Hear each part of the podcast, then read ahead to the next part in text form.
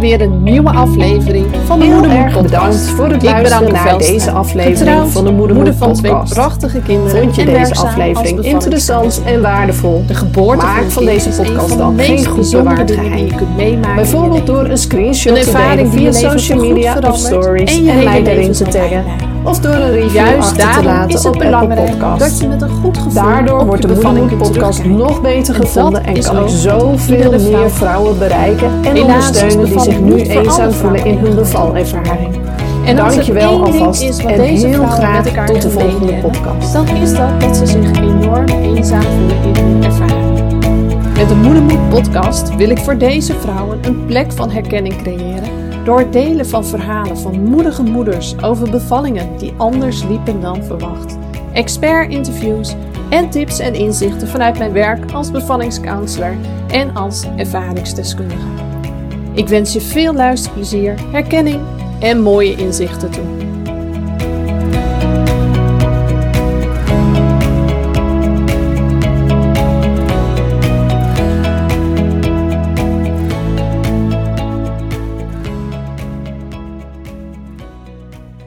Goedemorgen. Of misschien goedemiddag of goedenavond. Dat hangt er natuurlijk ook een beetje vanaf eh, wanneer je naar deze podcast luistert. Maar voor mij is het ochtend, dus vandaar dat ik begon met goedemorgen. eh, wanneer ik deze podcast opneem. Welkom weer bij een eh, nieuwe aflevering van de Moedermoed podcast. Heel erg leuk dat je er weer bent deze keer. Ehm, ik heb een best wel mooi onderwerp. Eh, het zit al een poosje in mijn hoofd om, eh, om daar wat over te gaan vertellen eh, in deze podcast. Maar ja, eigenlijk nog niet de tijd en de rust gevonden om daar even voor te gaan zitten en hem eh, op te nemen. Maar eh, vanochtend viel er in één keer een afspraak uit. Dus ik dacht, ah, gaatje, mooi. Ik ga zitten en eh, ik ga die podcast opnemen. En het onderwerp ehm, is eigenlijk iets wat de afgelopen periode best wel regelmatig eh, bij mij eh, naar voren is gekomen in mijn praktijk, in mijn werk. En dat heeft alles te maken met de vraag, zoals je ook al in de titel hebt kunnen lezen: wat zou je doen als je in mijn schoenen zou staan? Ehm, dus daar ga ik je vandaag in meenemen. Misschien eh, valt het je op dat eh, mijn stem een beetje gek klinkt. dat klopt. Ik, ik heb verkoudheidsklachten. Net als andere jaren, want eh, ik heb al eh, meer dan 25 jaar hooikoorts. En eh, ondanks de medicatie was het eh, deze week even eh full-blown eh hooikoorts. Echt dat mijn ogen maar bleven tranen, mijn neus maar bleef lopen en niezen en hoesten en alles erop en eraan. Natuurlijk in deze coronatijd uh, uh, me twee keer laten testen inmiddels, maar beide keren uh, negatief. Dus ja, dat is voor mij wel de bevestiging dat er niet andere dingen spelen, maar dat het gewoon hooikoorts is. Dus ja, mijn stem klinkt een beetje anders dan normaal, maar het is wat het is. Um, terug naar het onderwerp waar ik het over wil gaan hebben. Nou, je zult het vast wel herkennen dat uh, als je ergens mee zit of uh, iets is nieuw, bijvoorbeeld hè, in het moederschap. En je hebt uh, bijvoorbeeld vriendinnen die al wat verder zijn in het moederschap, misschien al wat oudere kinderen hebben. Dat je aan ze vraagt, zo van, hey joh, wat zou jij doen in deze situatie? Hè? Of hoe ging jij hiermee om? En dat je eigenlijk een stukje advies vraagt van, nou vertel het mij maar eens. Uh, want ik weet het niet zo goed. En dat is ook heel erg logisch. En dat is ook een volkomen normale vraag die je stelt uh, aan je vriendinnen. Um, ik doe dat natuurlijk ook wel eens. Ik vraag ook wel eens zo van: uh, ik heb een, een vriendinnengroep. We hebben allemaal zeg maar een kindje gekregen in december 2017. En met sommige dingen heb ik echt wel eens zoiets van: hey, hoe doen jullie dat? Ondanks dat het mijn tweede kindje is, uh, toch vind ik het wel fijn om eens even bij andere ouders te polsen hoe die daarmee omgaan. Uh, en dan krijg je natuurlijk allerlei adviezen. En het ene advies denk je, nou ja, daar, daar kan ik wel wat mee. En het andere advies denk je, hmm, nee, dat past niet helemaal in mijn straatje. Maar goh, wel interessant dat het ook op die manier kan. En het, al die adviezen die binnenkomen, kunnen er eigenlijk ook voor zorgen dat je een beetje verward raakt. Want uh, Die adviezen die zijn ontstaan op basis van ervaringen van andere mensen. Uh, en die ervaring van andere mensen zijn gebaseerd op hoe zij hun leven leiden, hoe zij tegen dingen aankijken. En dat is weer gevormd door hoe zij zijn gevormd door het leven. Met alles wat ze hebben meegemaakt in hun leven, hè, waar ze voor hebben gekomen te staan. Misschien hebben ze al best wel heftige dingen meegemaakt in hun leven. Al die dingen, onze opvoeding, wat we meemaken, die vormen ons. En daardoor krijgen wij een bepaald beeld van de wereld. Uh, kijken wij door een bepaalde bril naar de wereld. En van daaruit doen wij de dingen zoals we ze doen. Maar de manier waarop ik bijvoorbeeld naar de wereld kijk, uh, gebaseerd op, of, of, gevormd eigenlijk door alles wat ik heb meegemaakt in mijn leven, kan natuurlijk een hele andere manier zijn van kijken dan hoe een vriendin van mij uh, uh, naar de wereld kijkt, die misschien hele andere dingen heeft meegemaakt, of misschien wel veel minder heeft meegemaakt, of veel meer. Dus het is zo lastig om een advies van een ander uh, eigenlijk gelijk klakloos over te nemen. Maar je kunt je er wel door laten inspireren. Dit gaat over vriendinnen, maar in mijn werk als bevallingscounselor en als doula um, krijg ik deze vraag ook geregeld van mijn cliënten. En dat kan over hele verschillende dingen gaan. Zo hoor ik deze vraag geregeld uh, van cliënten die ik begeleid uh, bij het verwerken van hun, hun traumatische bevalling. Um, en die dan twijfelen van, goh, moet ik er nog wat mee? In de zin van, moet ik een klacht indienen of, uh, of niet? Hè? Um, ja, het gebeurt toch wel regelmatig dat er echt wel dingen mis zijn gegaan tijdens een bevalling. Um, ja, waar, waar de zorgverlener mogelijk helemaal niet van op de hoogte is uh, hoe de cliënt of patiënt dat heeft ervaren. Dus die vraag speelt heel vaak wel in het hoofd bij deze cliënten. En dan krijg ik ook heel erg vaak de vraag: wat zou jij doen als je in mijn schoenen zou staan? Maar ik kan die vraag natuurlijk nooit beantwoorden voor een ander. Want wat voor mij goed is, uh, hoeft voor een ander niet goed te zijn. Uh, en hoe ik daarnaar kijk, naar dat soort ervaringen, uh, hoeft niet te betekenen dat jij dan ook op diezelfde manier ernaar kijkt. Um, een ander moment uh, waarop deze vraag bijvoorbeeld wel regelmatig naar voren komt, is wanneer ik werk met zwangeren uh, en die voor lastige keuzes komen te staan. Bijvoorbeeld de keuze: laat ik mijn bevalling inleiden of niet?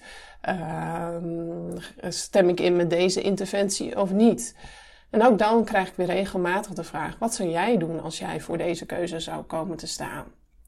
En ook dat kan ik niet beantwoorden, want ook daarin uh, zitten te grote verschillen. En uh, zou ik misschien eerder bepaalde risico's willen lopen of juist niet? Uh, en sta jij daar weer heel anders in? Uh, het belangrijkste is um, dat je dat soort keuzes kunt maken op basis van hele goede informatie. Um, en daar schort het, vind ik, regelmatig nog wel aan. De informatie die je krijgt uh, voor dit soort keuzes tijdens je zwangerschap van zorgverleners. Er wordt bijvoorbeeld gezegd van, uh, ja, nou ja, als je dit niet doet, dan heb je twee keer zoveel kans op dit en dit en dit. Ja, maar wat houdt dan twee keer zoveel kans in? Betekent dat dan dat ik van een half procent naar 1% kans ga? Of van 1% naar 2? Of van 20 naar 40? Of van 50 naar 100? Daar zitten nogal grote verschillen in. Dus het is ook belangrijk om te weten van, ja, maar hoeveel, hè, waar vermeerdert het zich eigenlijk mee? En wat, wat is het uitgangspunt? Want ik kan me voorstellen dat als je ergens uh, een half procent kans op hebt en het gaat naar 1% kans, dat je dan veel eerder een, een, een, het risico zou willen lopen als dat je weet van nou ja, het gaat van 50% kans naar 100% kans. Dan heb je zoiets van laat maar, die interventie ga ik wel doen.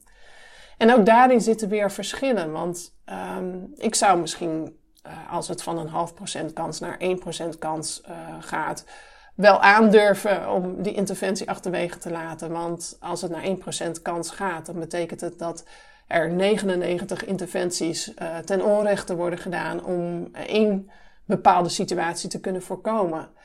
Maar dat kan voor jou weer heel anders voelen. Hè, misschien heb jij wel 1% kans, ja, maar ik wil dat, mij, dat ik zelf en mijn kind absoluut geen enkel risico lopen. Dus jij bent eigenlijk de enige die die afwegingen kan maken uh, en dat is ook precies de reden waarom ik die vraag niet kan beantwoorden voor je. Ik zal dus ook nooit in mijn werk adviseren. Ehm, want ik zou er zelf ook later niet mee kunnen leven als ik een bepaald advies zou hebben gegeven wat heel vervelend of naar zou hebben uitgepakt. Dus uiteindelijk uh, kan ik gewoon die keuzes niet maken, ook om vrij te kunnen blijven werken als bevallingscounselor en doula. Maar wat ik wel kan, is ervoor zorgen uh, dat jij uh, alles in handen hebt om bepaalde keuzes te maken. En wanneer het gaat over moet ik een klacht indienen of niet, ja, dan ga ik echt counselen. Dus dan ga ik echt met jou onderzoeken van, hé, hey, waar, waar komt dat vandaan? Waar komt deze vraag vandaan? Wat zit erachter? Um, wat wil je eigenlijk bereiken met deze klacht? En uh, is dat een reële verwachting of niet? Uh, hoe zou je dat willen aanpakken? Uh, wat heb je nodig om dit goed te kunnen aanpakken? Dus dat je op die manier eigenlijk het helemaal gaat uitkleden, zodat je zelf kunt voelen van ja, ga ik dit eigenlijk aan? Zitten hier de juiste drijfveren en beweegredenen onder? Of misschien helemaal niet. Dat kan ook. Uh, maar dat je eigenlijk zelf tot een conclusie komt uh, waarin ik je dan begeleid. En dat geldt eigenlijk hetzelfde voor zwangeren die voor bepaalde keuzes en interventies staan die lastig zijn. Um, dat, dat ik helemaal ga uitzoeken van ja, maar wat maakt deze keuze dan lastig voor je? Wat, waar ontbreekt het aan? Wat heb je nodig om deze keuze te maken?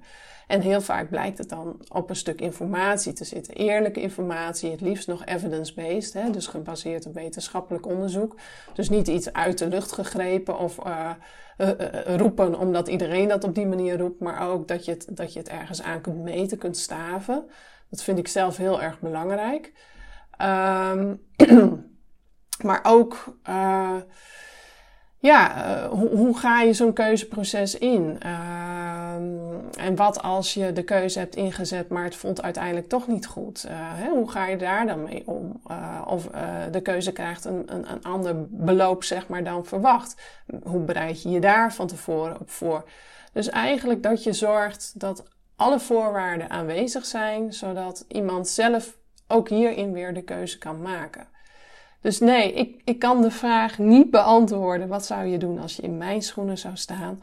Maar ik kan wel helpen, jou, jou helpen de juiste keuzes te maken. En dat is eigenlijk de belangrijkste basis van mijn werk. Zowel als bevallingscounselor als, uh, als doula. Nou, ik vond het uh, wel een ja, leuk onderwerp, een interessant onderwerp, omdat het uh, de afgelopen periode best wel vaak aan de orde is geweest om uh, iets meer over te vertellen. Ik hoop uh, dat je er ook iets aan hebt gehad aan, aan deze podcast. Laat me vooral ook weten in een reactie. Um, vond je het fijn of ken je iemand voor wie deze podcast waardevol is? Deel hem alsjeblieft. want ja, ik zou het heel fijn vinden als ik met mijn podcast meer mensen zou kunnen bereiken uh, die nou, gewoon behoefte hebben aan dit soort informatie. Uh, dus daar kun je mij uh, enorm mee helpen door hem te delen. Um, nou, dankjewel voor het luisteren weer. En ik zie je heel graag weer. Of ja, zie, ik zie je eigenlijk helemaal niet. Maar heel graag weer tot de volgende podcast.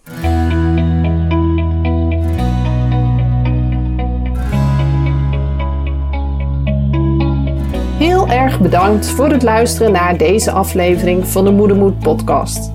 Vond je deze aflevering interessant en waardevol? Maak van deze podcast dan geen goed bewaard geheim. Bijvoorbeeld door een screenshot te delen via social media of stories en mij daarin te taggen, of door een review achter te laten op Apple Podcasts. Daardoor wordt de Moedermoed podcast nog beter gevonden en kan ik zoveel meer vrouwen bereiken en ondersteunen die zich nu eenzaam voelen in hun bevalervaring. Dankjewel alvast en heel graag tot de volgende podcast.